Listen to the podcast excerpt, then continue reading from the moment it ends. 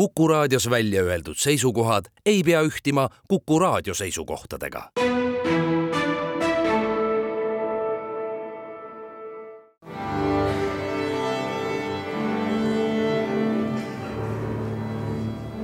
daamid ja härrad, Eesti Kontserdi saade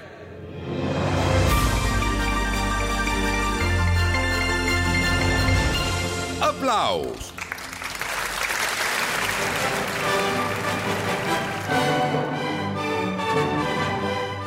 Aasta on alanud pea samuti nagu eelmine aasta lõppes. neljapäeval, reedel, laupäeval Estonia kontserdisaalis Draamateatri ERSO ja Eesti Kontserdi ühislavastuse Macbeth järjekordsed etendused, kuhu pole aga ainsatki piletit saada järgmisel nädalal Estonia kontserdisaalis, seitsmeteistkümnendal jaanuaril Paavo Järvi, Solga Beta ja Eesti Festivaliorkester. kontsert, mis samuti on välja müüdud, on meil üldse mõtet siin millestki rääkida? aga kindlasti on. saade on Applaus, mina olen Lauri Aav, tere kõigile ja head uut muusika-aastat ega see olukord muidugi nii lootusetu ei ole, pealegi on kevadine hooaja pool alles esimese jaanuari. Traditsioonilise Remi Martini uusaasta kontserdiga alguse saanud ja rohket põnevat ja kuulamisväärset on ees ootamas. rääkisin eile Eesti Kontserdi peaprodutsendi Marit Kangroniga sellest, mis on olnud ja sellest, mis on ees ootamas. Meil oli siin eile kõigi majadega ja kõigi Eesti Kontserdi töötajatega selline suur ühine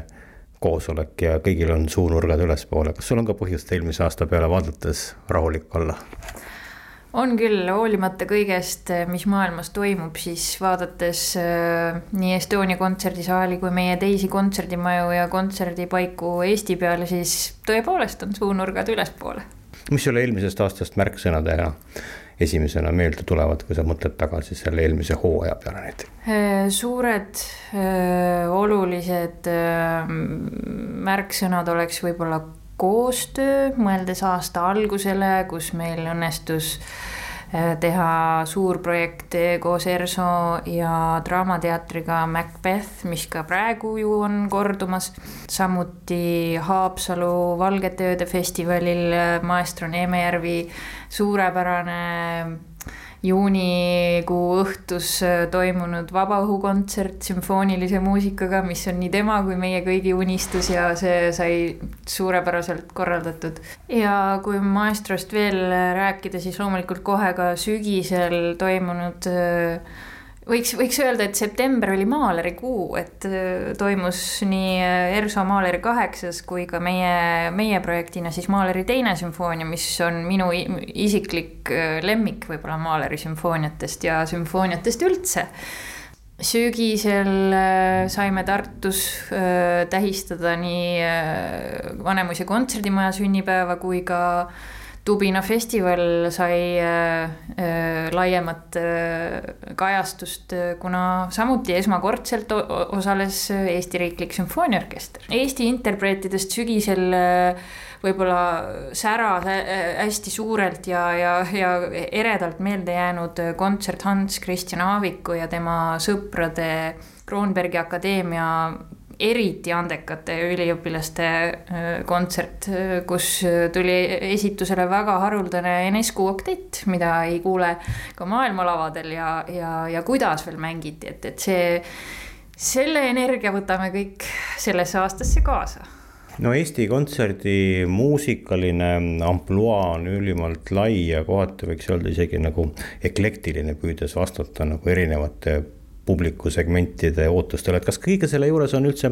võimalik hoida mingit ühist joont, otsekui sellist Eesti Kontserdi oma nägu? ma arvan, et äh, need kontserdid on ikkagi meie, meie kõigi nägu natuke ka, eks äh, kontserdi korraldajana see ongi võib-olla kõige suurem väljakutse, vaadata, et kelle poole me selle näo seekord pöörame või keda, keda me saali meelitame ja, ja eks meie valik on kindlasti mõjutatud meie hoolikalt kureeritud maitsest ka ja loomulikult, ega kui me ise teatud tüüpi muusikat naudime ja teeme seda entusiasmiga, siis võib kindel olla, et, et selle entusiasmi pisiku korjab üles ka publik ja selle peale reageeritaksegi, et isegi kui on midagi, mida nad varem ei ole kuulnud, siis võib-olla tullakse ja üllatutakse et ähm, jah, ma arvan, kindlasti on võimalik öelda, et äh, mingil asjal on on siin kindlasti Eesti kontserditempel või märgistus küljes. no kas publiku jaoks on üldse oluline, kes kontserti korraldab või tähtis on ainult see, kes mängib ja mida ta esitab? laias laastus muidugi jah, see on hea küsimus, võib-olla, et ei ole, et peamiselt on võib-olla see harjumus ja koht, kuhu tullakse, aga, aga samas ma leian, et me oleme ikkagi, me oleme ikkagi sellega kõvasti tööd teinud ja, ja praegu küll valitakse, ma arvan, meie kontserte ikkagi hoolikalt, eriti üleküllastunud detsembrikuus ja võiks öelda, et äh, nii esimesest kuni viimase päevani detsembris olid saalid ju siiski täitsa pungil täis. et on aegu aastas, millal äh, võib-olla ei pöörata tähelepanu sellele, kes korraldab, aga on ka ikkagi neid hetki, kus vaadatakse, ei, ma tahan just Eesti Kontserdi kontserdilt tulla no lisaks tavalisele kontserditegevusele, mis jõuab publikuni läbi erinevate kontsertide, on tegelikult ju palju tööd nõudvaid asju, mis esmapilgul nagu võib-olla nii palju silma ei paista, aga võib-olla mingil hetkel hakkavad paistma. mõtlen UNESCO muusikalinnade projekti, mille raames jõuavad väga paljud kontserdid koolidesse ja näiteks lifti jaa, äh, UNESCO puhul mul on äh, äärmiselt hea meel, et, äh, et Tallinnal see tiitel on ja et koolide õpilased saavad nii palju head muusikat enda kodukohta kooli kätte toimetatuna, aga mm, meil on toimunud ka suured kontserdid omas majas siin Estonia kontserdisaalis ja muidugi kõige toredam ongi näha neid reaktsioone, mida, mida noored inimesed tunnevad, sest paljud neist äh, siis õnneks või, või kahjuks on äh, sattunud siia esmakordselt. Aga mis puudutab äh, lifti, siis tõesti, me võime öelda, et Eesti Kontsert on endale lõpuks saanud lifti mis on siis noorte mentorlusprogramm, äh, mõeldes nende, nendele noortele muusikutele, kes äh, on võib-olla esimesi samme tegemas just karjääri edasiviimise teekonnal. Ja, ja toetame ja, ja aitame siis neid leida seda õiget teed ja nõustame nende teemadega, mis on, mis jäävad siis muusika esitamisest nii-öelda telgitagusesse, et kuidas enda vaimset tervist hoida, kuidas mitte üle töötada, mis muusikule on väga lihtne tulema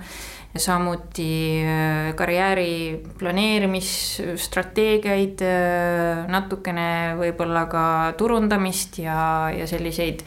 äh, kohtumisi siis meid külastavate külalisartistidega. no uus aasta hakkas pihta, põhiküsimus, mida nüüd kuni kevadhooaja lõpuni kõige rohkem oodata on mõtet oh,? Seda on nii raske valida, et kõik on meie muusikaosakonna hoolikalt äh, kaalutud ja, ja läbi analüüsitud projektid ja ei, ei suuda valida, ma arvan, et äh, muidugi selleks, et, et saaks suve nautima hakata, siis võib-olla seda, et hooaja lõppkontserti ootangi kõige rohkem. Et siis on see teadmine, et kõik muud kontserdid on ilusti tehtud ja, ja selle üle võib äh, rõõmu tunda no sa ei saa rääkida Paavo Eurist Eesti festivali orkestrist, mis tuleb järgmisel nädalal, sest sinna pole midagi enam pakkuda nii see on, ma arvan, et võib-olla kümme-viisteist piletit on veel müügis, nii et kiirustage. tõepoolest äh, äärmiselt äh, hea meel, et EFO leiab aega oma suure saksakeelse territooriumi tuuril, tuuri eel külastada Tallinna ja, ja rõõmustada meie publikut. ja kuna ma olen ise muidugi endine tšellist, siis ma ei saa ära mainimata jätta, et, et Solga Beta on üks, üks maailma parimaid tšelliste hetkel, nii et see, et ta tuleb siia ja mängib nii monumentaalset teost, kui seda on Dvoržaki tšellokontsert, siis noh, ma ütlen, et need viisteist inimest, kes veel pileti saavad, et äh, kiirustage. Te olete, saate õnnelikuks ja tõesti, kui Eesti Festivaliorkestri piletid Tallinnasse on otsakorral, siis toimub neil päev varem kontsert Pärnu kontserdimajas, kuhu on veel mõningaid pileteid saada. Ja see kontsert seal pole küll Eesti Kontserdi, vaid Pärnu muusikafestivali korraldatud, aga nagu just Maritiga rääkisime, pole ju kõige olulisem, kes kontserti korraldab, vaid see, mis lavalt publikuni jõuab. seega pole mul takistust Pärnu muusikafestivali kontserdile siin pisut reklaami teha ja kava on seal ka ju hoopis teistsugune kui Tallinnas ehk Valentin Silvestrovi Õhtuserenad, Pärdi esimene sümfoonia ja Summa ning Šostakovitši esimene sümfoonia. Solga Petot Pärnus kahjuks paraku pole, tema on ainult Tallinna kontserdil Eesti Festivaliorkestri solistina seitsmeteistkümnendal jaanuaril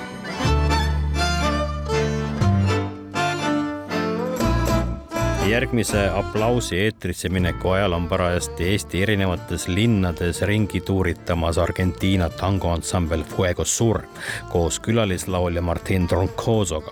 See on ansambel, mille lõid eelmise aasta kevadel Argentiina, Hollandi ja ka Eesti muusikud ja see on üks Argentiina ja ka Euroopa niinimetatud uue tangopõlvkonna esindajaid, mis praegu järjest enam laineid lööb. Need on kaasaegsed seaded vanadest tangodest, mis ammutavad rohkem inspiratsiooni džässharmooniatest ja ka Ladina-Ameerika rütmidest. bandoneoni mängija Kaspar Uljas on üks ansambli asutajatest ja ehk saame siis järgmises saates ka temaga sellest täpsemalt juba rääkida. aga ja, kontserdid on kahekümnendal jaanuaril Pärnus, kahekümne kolmandal Jõhvis, kahekümne neljandal Vanemuise kontserdimajas ja kahekümne viiendal jaanuaril Estonia kontserdisaalis. Argentiina tango, Fuego Sur ja Martin Troncoso ja kindlasti pean siia juurde lisama, et ka tantsijad on selles kavas laval kaasa tegemas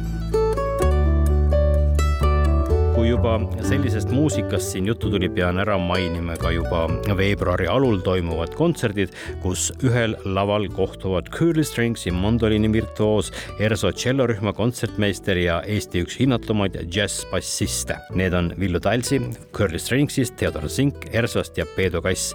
umbes pooltes Eesti džässansamblites mängiv mees, kui pisut liialdada. ja nad tulevad kokku, et mängida umbes sarnast muusikat nagu Kristiile, Yo-Yo Ma ja Edgar Meyer ja näidata, et erinevates stiilides ulatuskatlas võib sündida imesid ning head muusikat ei määra ei ajastu ega žanr trio Villu Talsit, Theodor Sink ja Peedu Kass. kuuendal veebruaril Jõhvis, seitsmendal Pärnu kontserdimajas, kaheksandal Estonia kontserdisaalis. meie aga kohtume siin juba palju-palju varem, kõike paremat.